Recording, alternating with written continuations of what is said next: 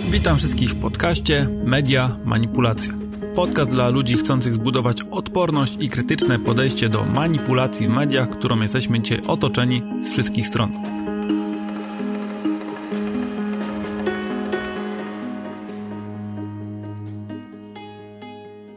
Jakiś czas temu furorę w sieci zrobił film na YouTubie o bardzo wymownym tytule Apokalipsa, czyli ujawnienie, kto wygra wojnę. Film jest dostępny na kanale Agent Specjalny Grzegorz Kusz. Występuje w nim pani Katarzyna Szewczyk. Filmów z panią Katarzyną jest więcej na tym kanale. Ja się skupię na tym, w którym poruszane jest bardzo dużo tematów, takich jak wojna na Ukrainie, e, głód, ekologia i wiele, wiele innych. Jako osoba posiadająca pewną wiedzę z zakresu manipulacji w mediach, chciałbym się odnieść do tego filmu. A dlaczego i po co? Z kilku powodów. Po pierwsze, sporo osób z mojego otoczenia po obejrzeniu tego filmu wierzy i rozpowszechnia dalej informacje o strasznej przyszłości, która nas czeka. Informacje, które w mojej ocenie są w wielu miejscach mocno przesadzone. Po drugie, te same osoby są zestresowane, wręcz zdenerwowane, bo autentycznie wierzą, że należą do grona osób świadomych apokaliptycznej wizji przyszłości, która nas czeka. I o ile nic mi do tego, kto w co wierzy, to stres, którego się nabawili przez ten film, e, już nie jest mi obojętny. Odnoszę wręcz wrażenie, że osoby te zostały niemal e, że zastraszone, co odbija się na ich zachowaniu. Po trzecie, tak samo jak bohaterka tego filmu, zależy mi na budowaniu świadomości. Z tą różnicą, że ja staram się to robić na podstawie danych, faktów, informacji, dowodów itd., tak a nie strachu, domysłu, Y, pesymizmu, teorii spiskowych i budowaniu atmosfery katastrofy, która nas kolejny raz czeka. Oczywiście z historii wiemy, że niektóre teorie spiskowe okazały się prawdą, a pewne grupy, którym było to nie na rękę, chciały za wszelką cenę zdyskredytować y, osoby, które miały odmienne zdanie. I to są fakty, wszystko się jak najbardziej zgadza.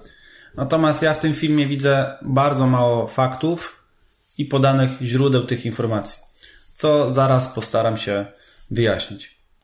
Celem mojego nagrania nie jest zarzucenie komuś manipulacji czy kłamstwa. Sam, jako że zajmuję się manipulacją w mediach, widzę, jak wiele jest nadużyć propagandy, jak wielkie koncerny manipulują nami. Po prostu widzę w tym filmie przewagę emocji nad faktami i brak źródeł informacji. Jeszcze jedna kwestia, zanim przejdę do rzeczy. Dlaczego tak dobrze ogląda się tego typu filmy i mają tak duży zasięg i oglądalność? Dlaczego cieszą się tak dużym zaufaniem, mimo że jest w nich bardzo mało konkretnych danych i źródeł? Po pierwsze, ewolucja i negatywne wiadomości. Emocje negatywne mają przewagę nad pozytywnymi, jeśli chodzi o naszą uwagę.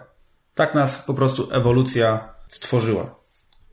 Polecam książkę Wyloguj swój mózg Andersa Hansena, gdzie tłumaczy m.in. właśnie to zjawisko. Po drugie, obrazowe porównania. Na przykład Squid Game trwa. Plansze z różnymi rozrywkami, które symbolizują to, co się dzieje na świecie. To wszystko przemawia do naszej wyobraźni i dlatego dobrze się tego słucha. Po trzecie, mimika i mowa ciała. 55% naszej mowy to właśnie mowa ciała. Pani filmie rzeczywiście dobrze posługuje się mową ciała, co oczywiście nie pozostaje bez wpływu na oglądalność. Po czwarte, dobrze się tego po prostu słucha. Ton głosu, barwa w połączeniu z mimiką, obrazowymi porównaniami i negatywnymi wiadomościami. To wszystko przykuwa naszą uwagę i sprawia, że tak dobrze to się ogląda i słucha. Całość sprawia, że autorka jest bardzo wiarygodna i naprawdę film nie jest nudny, przez co zostaje uśpiona nasza czujność łączenia faktów i krytycznego podejścia do informacji. Bohaterka jest po prostu godna zaufania. Jestem przekonany, że gdyby dokładnie ten sam tekst, słowo w słowo powiedział jak na przykład jakiś mało wiarygodny, bardzo młody youtuber, film już by nie odniósł takiego sukcesu. Oczywiście zachęcam do obejrzenia filmu Apokalipsa, czyli Ujawnienie, kto wygra wojnę i wyrobienia sobie własnego zdania. Tutaj odniosę się tylko do niektórych fragmentów. Zaczynamy. Odrobiliśmy chyba najlepszą podświadomą lekcję z tej pseudopandemii. Zhakowaliśmy system. Pseudopandemia. Czy pani Katarzyna nie wierzy w pandemię, czy użyła zwrotu pseudopandemia w kontekście nieudolnej walki z tą pandemią? Tego nie wiemy. Natomiast to, co się wydarzyło, jak najbardziej mieści się w definicji pandemii. Pandemia, rodzaj epidemii obejmującej bardzo duże obszary, np. cały kraj, kontynent, a nawet cały świat. Pandemicznie szerzą się zwłaszcza choroby wirusowe, np. pandemia grypy 1918-20, tzw. hiszpanka i 1957-58, tzw. tzw. grypa azjatycka. Ta definicja pochodzi z 1975 roku z papierowej encyklopedii, ponieważ słyszałem też taką teorię, że definicja pandemii na świecie została specjalnie zmieniona. No, ta na pewno nie została. Ciekawostka, Bill Gates miał wtedy 20 lat. Uważam, że dzisiaj ten konflikt jest równy, również konfliktem, powiedziałabym, medialnym, tak? Czyli jedna i druga strona, z tego co wiem, wynajmuje nawet całe PR-owskie agencje, żeby w jakiś sposób przedstawiać tą wersję rzeczywistości, którą każda z nich chciałaby promować. Agencje PR-owskie na wojnie w celu przedstawiania własnej e, rzeczywistości. Nie jest to absolutnie nic nadzwyczajnego ani nic nowego. Przecież zawsze wojnę, przynajmniej oficjalnie, wywoływało się w jakichś wyższych celach, na przykład obrony siebie lub kogoś, a nie po władzę lub pieniądze. I weźmy taki historyczny przykład. Wezwanie papieża Urbana II do krucjat w 1095 i w 1096 roku wywołało niemal szok i oczywiście w imię wyższych celów przekonał chrześcijański świat do walki. To samo działo się w kolejnych wojnach. Wojna w Wietnamie określana jako pierwsza wojna telewizyjna, transmitowana w telewizji. Później wojna w Iraku, jedna i druga, również transmitowana w telewizji. Nie jest to nic nadzwyczajnego. To samo dzieje się teraz w Ukrainie, z tym, że mamy pierwszy raz wykorzystane na masową skalę telefony z dostępem do internetu. Żołnierze sami nagrywają i wrzucają te treści. Dzięki temu możemy oglądać, jak to wygląda z ich perspektywy. Oczywiście nie jest to do końca na rękę ich dowódcom. Pewnie dostali jakieś rozkazy, co mogą wrzucić, co, co nie mogą, co powinni, co nie, e, aby gdzieś ta narracja się zgadzała, żeby te wysokie morale trzymać. Natomiast agencje PR-owskie czy, czy kreowanie własnej wizji tej wojny nie jest absolutnie niczym nadzwyczajnym. Po prostu to jest jeden z elementów wojny. E, ja uważam, że jest więcej agresorów niż tylko ten, na którego padają światło reflektorów. E, natomiast e, ja bym powiedziała, że należy szukać tutaj e, więcej interesariuszy tego konfliktu. Więcej agresorów i więcej interesariuszy tego konfliktu. Brzmi to groźnie i tajemniczo. Pytanie, kto tym agresorem i interesariuszem jest. Tutaj chciałbym usłyszeć jakieś konkretne dane, chociaż minimum.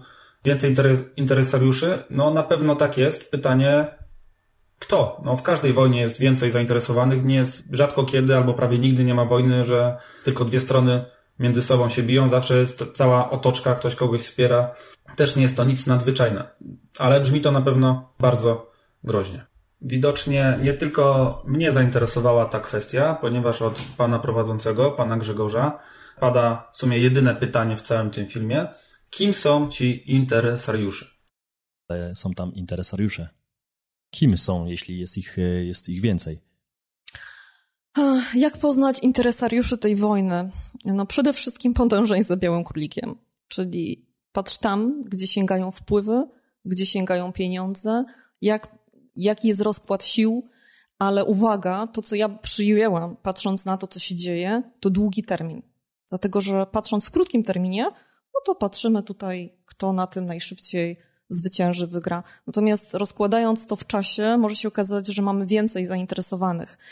E, I ja bardziej zadam pytanie, co jeżeli ci, którzy wydają się dobrzy, nie są dobrzy? Co jeżeli się mylimy i to jest tylko i wyłącznie gra w złego i dobrego policjanta? No i usłyszymy odpowiedź. Podążaj za białym królikiem, znowu obrazowe opowiadanie. Co jeśli dobrzy nie wydają się dobrzy? Co jeśli się mylimy? Gra w złego i dobrego policjanta. Znowu obrazowo. Czyli dostajemy pytanie za pytanie. I to jest właśnie problem tego filmu. Panuje tutaj atmosfera strachu, takiej tajemnicy, a gdy pada konkretne pytanie, na które oczekujemy konkretnie odpowiedzi, ta odpowiedź nie pada. No tutaj można odpowiedzieć, kto jest tym interesariuszem. NATO, Białoruś, Chiny, Indie. No niestety tego, z tego filmu się nie dowiemy.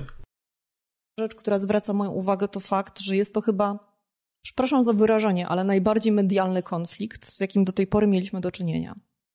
Najbardziej medialny konflikt, z jakim mieliśmy do tej pory do czynienia.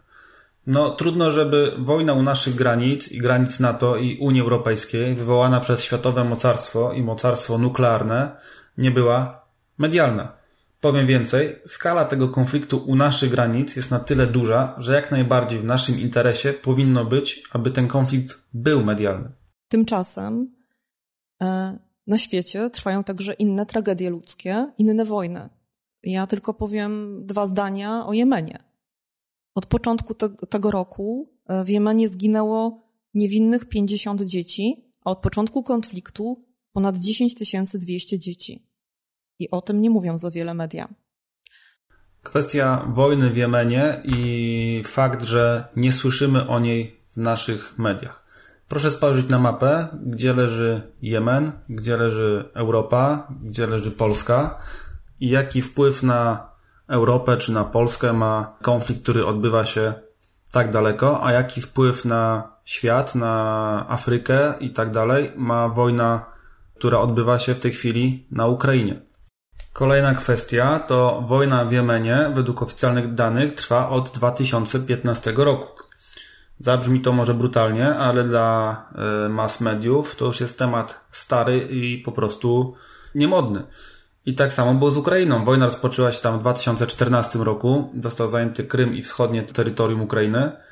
No i po całym medialnym nawale informacji po jakimś czasie nie było śladu. To samo będzie z tą wojną. Jeśli mocno się przedłuży i nie będzie się działo nic przełomowego, będziemy mieć coraz mniej informacji o tym konflikcie.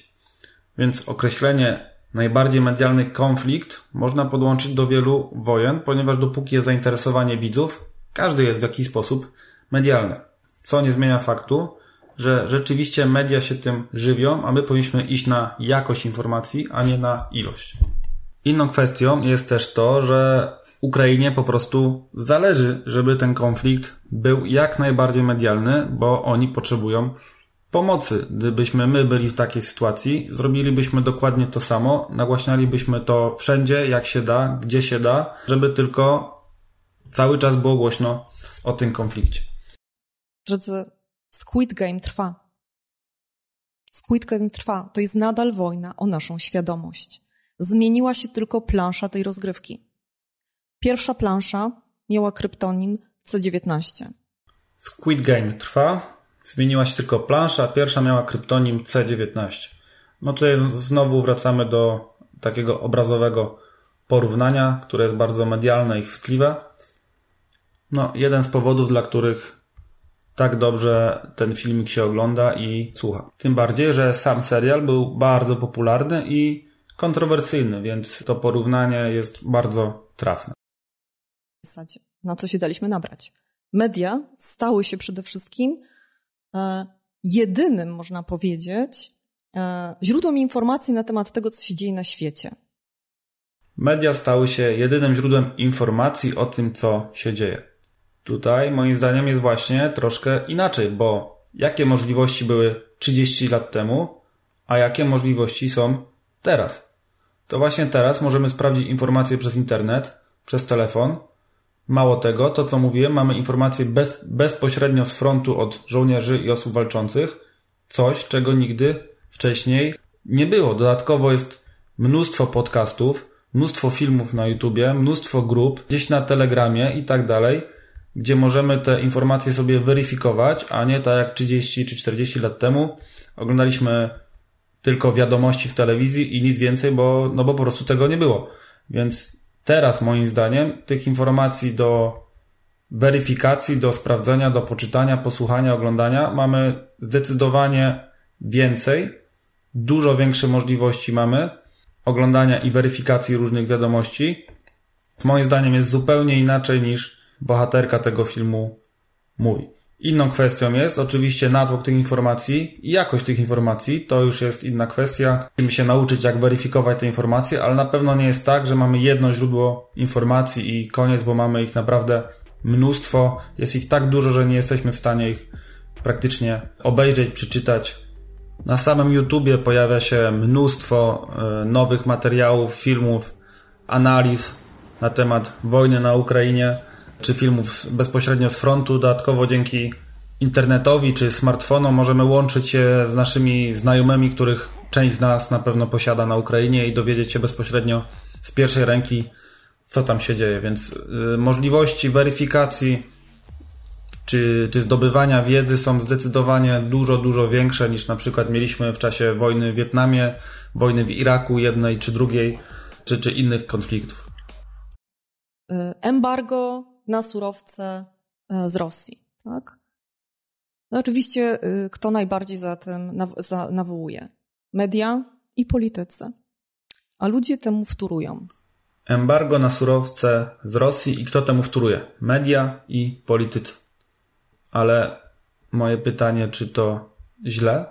Póki co Unia Europejska finansuje tą wojnę i trzeba zrobić wszystko, aby tak się nie stało. Tutaj mam wycinek z artykułu. Przez pierwsze 100 dni wojny kraje Unii wsparły Rosję kwotą 61 miliardów euro, bo za tyle kupiło od Putina surowców energetycznych. Okazało się, że Unia była głównym klientem. Reszta świata kupiła paliwa za 32 miliardy euro, więc póki kupujemy od nich te surowce, ta wojna będzie sobie trwać, bo po prostu mają na to pieniądze. Dalsza rozgrywka na tej planszy to jest, y, tak jak powiedzieliśmy już, embargo na ciekawe, że brudne surowce energetyczne. Czyż to nie jest też doskonały czas na to, żeby mm, wdrażać zrównoważony rozwój, o którym tak chętnie mówią globaliści? Embargo na brudne surowce z Rosji. No a na jakie mamy dać, skoro głównie takie e, importujemy z Rosji? E, I tutaj do Unii Europejskiej importujemy 25% ropy naftowej, 45% gazu ziemnego, 44% węgla kamiennego. To jest główne ich, e, główne ich źródło dochodu. No i musimy po prostu z tym skończyć, jeśli chcemy, żeby ta, ta wojna była y, trudniejsza do prowadzenia przez Rosję. Stanęła, na jakiś czas stanęła fabryka Fiata, nie wiem czy już ruszyła. Tak. Y, za granicą stanęły fabryki y, Audi, BMW, wszystkich samochodów spalinowych. Ale z tego co wiem, wśród moich klientów samochody elektryczne nadal spokojnie można zamawiać i schodzą z taśm. A wydawało mi się zawsze, że takie elektryki potrzebują jeszcze więcej tych podzespołów elektroniki i litu. Fabryki samochodów spalinowych wstrzymały produkcję, a elektrycznych podobno nie. Tutaj nasza bohaterka sugeruje, że to jest z góry narzucone, żeby te auta elektryczne były szybciej wprowadzone na rynek przez jakieś tam korporacje, może przez ekologów. Tak, tak mi się wydaje, że, że taka jest narracja tego fragmentu. Natomiast ja sobie poszukałem i w sierpniu Tesla tymczasowo wstrzymała niektóre operacje w swojej fabryce w Szanghaju. Powodem przestojów jest globalny niedobór półprzewodników, który uderzył w producentów samochodów elektrycznych na jednym z jego najważniejszych rynków. I tak samo mamy Volkswagena, który zawiesił produkcję elektrycznych samochodów. Więc nie do końca jest tutaj prawdą to, że e, spalinowe samochody nie były produkowane, a elektryczne były normalnie. E, no, cała produkcja samochodów zmierzyła się z tym samym problemem. Nie wiem, jak, nie wiem na jaką skalę, natomiast nie jest to e, do końca tak, że te były produkowane, a te, a te nie. I emisji posiadanie dzieci. Więc co wy na to, że jednym z takich planów jest również ograniczanie narodzin dzieci, tak? Czyli w tym roku na przykład nie może się urodzić żadne dziecko, bo przekraczamy ślad węglowy. Natomiast ograniczanie narodzin dzieci, ponieważ przekroczony został ślad węglowy. Moje obserwacje w tej kwestii są zupełnie inne, ponieważ od lat trwa niż demograficzny, a niektórzy nawet mówią o katastrofie demograficznej w Unii Europejskiej i w Polsce i walce z nim, aby w przyszłości miał kto pracować. Nas w Polsce według ostatniego spisu powszechnego o 475 tysięcy osób mniej niż w 2011 roku.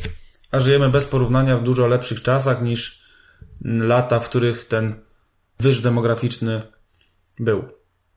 Wymieramy i nie potrzeba żadnego śladu węglowego, czy pozwolenia na dzieci, czy innych bzdur.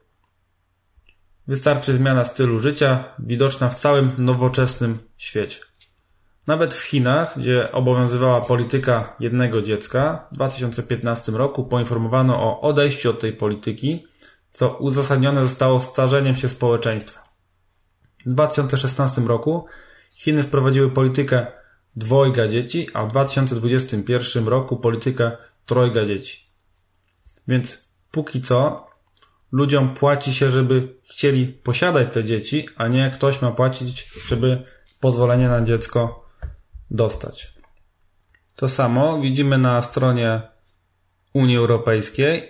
Skutki zmian demograficznych, liczba ludności w wieku produkcyjnym w Europie zmniejsza się, musimy więc znaleźć sposób na utrzymanie wzrostu gospodarczego poprzez wprowadzenie na rynek pracy większej liczby osób i zwiększenie produktywności.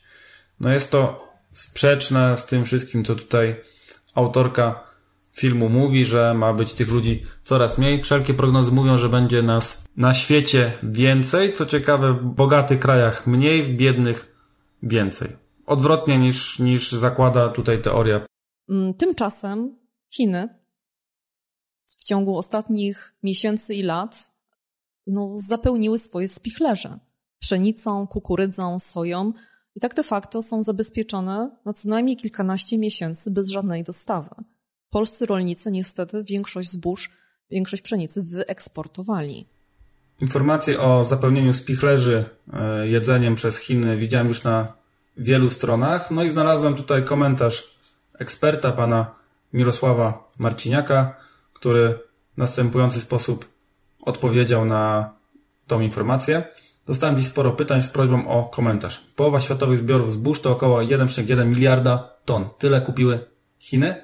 Bzdura. Tak samo jak to, że Chiny przechowują 69% światowej kukurydzy, 60% ryżu i 50% pszenicy. Chiny kupują, importują około 55 milionów ton zbóż w sezonie i 100 milionów ton soi. W tej kwestii bardziej bym ufał ekspertom, którzy zajmują się na co dzień tego typu zagadnieniami, no niż jakimiś informacjami przypadkowymi z internetu.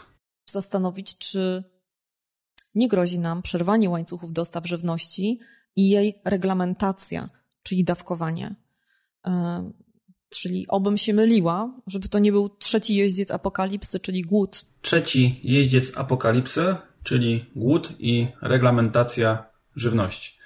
No i to, co wcześniej mówiłem, bardziej bym tutaj ufał ekspertom w tej dziedzinie niż jakimś informacjom z internetu. No i znalazłem takie informacje. Doktor Jakub Olipra, starszy ekonomista w Credit Agricole Bank Polska. Czyli nie musimy obawiać się, że zabraknie nam żywności albo jakiejś jej kategorii. Odpowiedź. Polska ma trzecią najwyższą nadwyżkę w handlu żywnością w Unii po Holandii i Hiszpanii. Produkujemy o wiele więcej niż jesteśmy w stanie skonsumować, więc jesteśmy skazani na eksport. Tym samym deficyt żywności nam nie grozi. Oczywiście nie zmienia to faktu, że niektóre produkty będziemy musieli zapłacić dużo więcej, ponieważ tak jak wcześniej powiedziałem, jesteśmy częścią globalnego rynku żywności.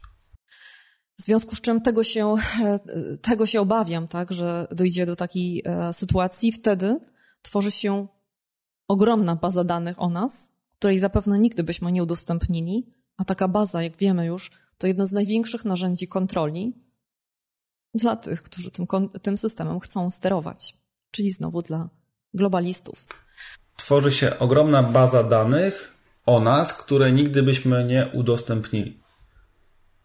Problem w tym, że taka baza danych już dawno istnieje i dawno ją udostępniliśmy, ponieważ jest dobrowolna. Są to wszelkiego rodzaju media społecznościowe. To właśnie tam są wszelkie dane, co jemy, kiedy i gdzie i jakie mamy poglądy, zainteresowania, gdzie pracujemy, gdzie spędzamy wakacje, kto jest naszym znajomym. Nie trzeba żadnych kodów i przymusu. Są firmy analityczne, które takie dane idealnie potrafią przetworzyć, aby stworzyć psychologiczny profil każdego z nas. Od chociażby słynna Cambridge Analytica. Więc no tutaj bazy danych dawno, dawno istnieją, stworzyliśmy je sami, cały czas je produkujemy. Następna rozgrywka tej planszy. cyberatak. E, o tym coraz częściej słyszymy. Chyba ostatnio nawet odwiedzający nas prezydent Stanów Zjednoczonych Joe Biden zdążył już profilaktycznie oskarżyć Rosję o to, że będzie atakowała Stany Zjednoczone, jeżeli chodzi o cyberprzestrzeń. Wiemy, że wiele państw inwestuje już dzisiaj w cyberwojska, tak? Następna rozgrywka tej planszy to cyberatak. No i prezydent Joe Biden zdążył profilaktycznie oskarżyć Rosję o cyberataki. No tutaj nie jest to tyle, tyle co profilaktycznie, bo e, Stany Zjednoczone mają bardzo duże doświadczenie w cyberatakach. I jeśli sobie zajrzymy do historii, to weźmy sobie pierwszy w historii cyberoperacja, tak zwane kukułcze jajo, finansowana przez sowieckie KGB, miała miejsce już w 1986 roku. Odbyła się ona na zlecenie sowieckich służb. Dwie dekady później działania hakerów na stałe wpisały się w arsenał środków używanych przez skonfliktowane państwa. Atak na Estonię 2007 rok, który sparaliżował system telekomunikacyjny w całym kraju na 22 dni. Atak na Gruzję 2008 rok spowodował utratę zdolności komunikacji na linii rząd, wojsko i ludność. Atak na Ukrainę 23 grudnia 2015 rok, który uderzył w regionalne sieci dystrybucji energii, to skutkowało przerwami w dostawie prądu na terenie całego kraju. No i w końcu mamy ataki na Stany Zjednoczone, wpływanie na wybory prezydenckie oraz ataki na polityków. W tym celu powstały dwa raporty służb specjalnych 6 stycznia 2017 roku ocena działań Rosjan w związku z wyborami prezydenckimi oraz 29 grudzień 2016 rok atak na administrację USA. Więc tutaj te niby profilaktyczne oskarżenie o ataki wcale nie są takie profilaktyczne, ponieważ od wielu, wielu, wielu lat ten konflikt trwa, a to, co tutaj przytoczyłem, to są tylko jakiś, podejrzewam, ułamek rzeczy, o których my wiemy, a cała reszta dzieje się za kulisami i o tym nie dowiemy się prawdopodobnie nigdy, więc tutaj ten profilaktyczny jest troszkę moim zdaniem nie na miejscu. Z drugiej strony, cyberbezpieczeństwo jest normalną odpowiedzią na zagrożenia, jakie występują w wirtualnym świecie i to też nie jest żadna tajemnica i dzieje się to od lat. No, bardzo dobrze takie wojska powstają. Nie wyobrażam sobie, że pozostajemy bez ochrony i nagle Rosja paraliżuje nam na 20 parę dni system bankowy czy energetyczny i tak dalej, więc no, jest to kolejny rodzaj sił zbrojnych, których zadaniem jest odparcie ataków, tyle że wirtualnych. No tak, kiedyś nie było samolotów, powstały samoloty, wynaleźli je, więc powstały wojska powietrzne, tak? Więc powstały komputery, internet, powstały wojska cybernetyczne. Jest to kolejna normalna sprawa, czy nam się to podoba, czy nie. Jasne, wolałbym, żeby nie musiało do tego dojść, no ale no niestety tak to właśnie w tej chwili wygląda. Oczywiście zdaję sobie sprawę z zagrożeń związanych z przeniesieniem wielu spraw do sieci, o których bohaterka filmu mówi.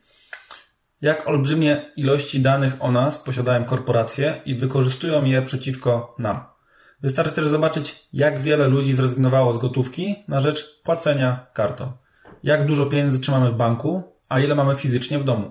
Wystarczy awaria, na przykład zasilania, i nagle okazuje się, że nie możemy zrobić zakupów, bo po prostu nie mamy pieniędzy. Fajnie pokazuje, co może się z nami stać film z Willem Smithem, Wróg publiczny z 1998 roku. Tam właśnie główny bohater zostaje w kilka chwil bez środków do życia przez zablokowanie jego kont bankowych.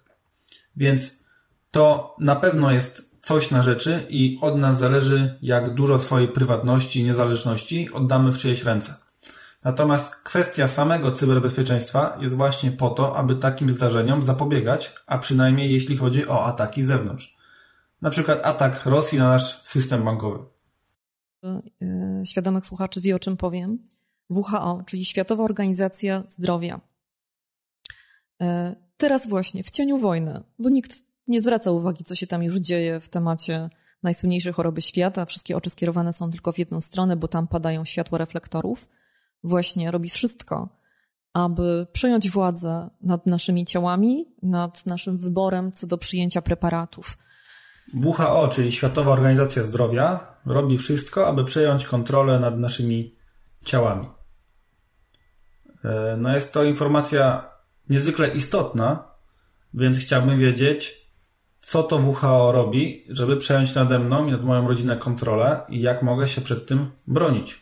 Mam gdzieś wyjechać, ukrywać się, protestować. I właśnie to jest, to jest ten problem tego filmu, że mamy takie straszne różne stwierdzenia, ale no co dalej? No jestem uświadomiony, powiedzmy. I co dalej? Bo poza tym, że jestem wystraszony po tym filmie, to no nie wiem, nie wiem nic, czego bym nie wiedział wcześniej. Jak widzicie, bardzo dużo jest tutaj pytań bez odpowiedzi. Wiele strasznych informacji bez danych i źródeł. Bardzo mało konkretów. Jakbyście mieli streścić na kartę, czego dowiedzieliście się z tego 45-minutowego filmu, to no co byście napisali? Wojna świadomość trwa, zgadzam się, ale przez tego typu filmy nie wygramy jej. Nie da się budować świadomości bez wiedzy, faktów czy twardych danych. Nie będziemy bardziej świadomi czegokolwiek, słuchając ludzi, którym coś się wydaje. To nie jest budowanie świadomości, to opowiadanie poruszających, dramatycznych historii, która niczym dobry film ma nami wstrząsnąć, ale ma niewiele wspólnego z faktami. Opieranie swoich poglądów na emocjach i strachu nie na wiedzy, powoduje, że jesteśmy podatni właśnie na manipulację. Zobaczcie, jak wyglądają przemówienia Putina. Przecież on nie robi nic innego, tylko od lat straszy swoich obywateli yy, różnymi zagrożeniami ze strony a to NATO, Unii Europejskiej, Stanów Zjednoczonych i nie ma tam faktów, są tylko emocje i strach. Przez to są też konsekwencje. Pomyślcie, jeśli dodam do dowolnego hollywoodzkiego filmu zdanie. Film oparty na faktach. Nagle inaczej zaczniemy postrzegać historię pokazaną w tym filmie. To samo jest tutaj. Wydaje nam się, że słuchamy prawdy, ale po przemyśleniu i zagłębieniu tematu, niestety, a może w sumie dobrze, bo wizja jest strasznie katastroficzna, że faktów i danych jest tam bardzo mało. Sam fakt, że wszystkie wielkie plany przejęcia kontroli nad światem, nad nami, cyfrowa immunizacja i tym podobne, e, to wszystko można wygoglować w kilka chwil w oficjalnych dokumentach i znaleźć osoby z imienia i nazwiska odpowiedzialne za to, powoduje, że staje się to wszystko średnio wiarygodne. Jeśli rzeczywiście są takie plany, to dowiemy się o nich nie z Google, nie z Facebooka czy z filmiku na YouTubie, tylko jak już będzie po wszystkim. Nie jest też tak, że jestem szalonym optymistą i nie widzę żadnych zagrożeń, które zostały wspomniane w filmie, bo tych widzę całe mnóstwo. Po prostu za mało jest danych, a za dużo emocji w tym właśnie filmie. Oczywiście zachęcam do obejrzenia całego filmu Apokalipsa, czyli ujawnienie, kto wygra wojnę, ale teraz zastosujcie inną metodę oglądania, którą ja stosuję. Bądźcie aktywnymi widzami. Nie dajcie się ponieść emocjom. Skupcie się na treści, a nie na emocjach. Pytaj o źródło tych informacji i zadawaj pytania takie jak skąd to wiesz, czy aby na pewno tak było, skąd wiesz, że tak będzie i tak dalej, i tak dalej.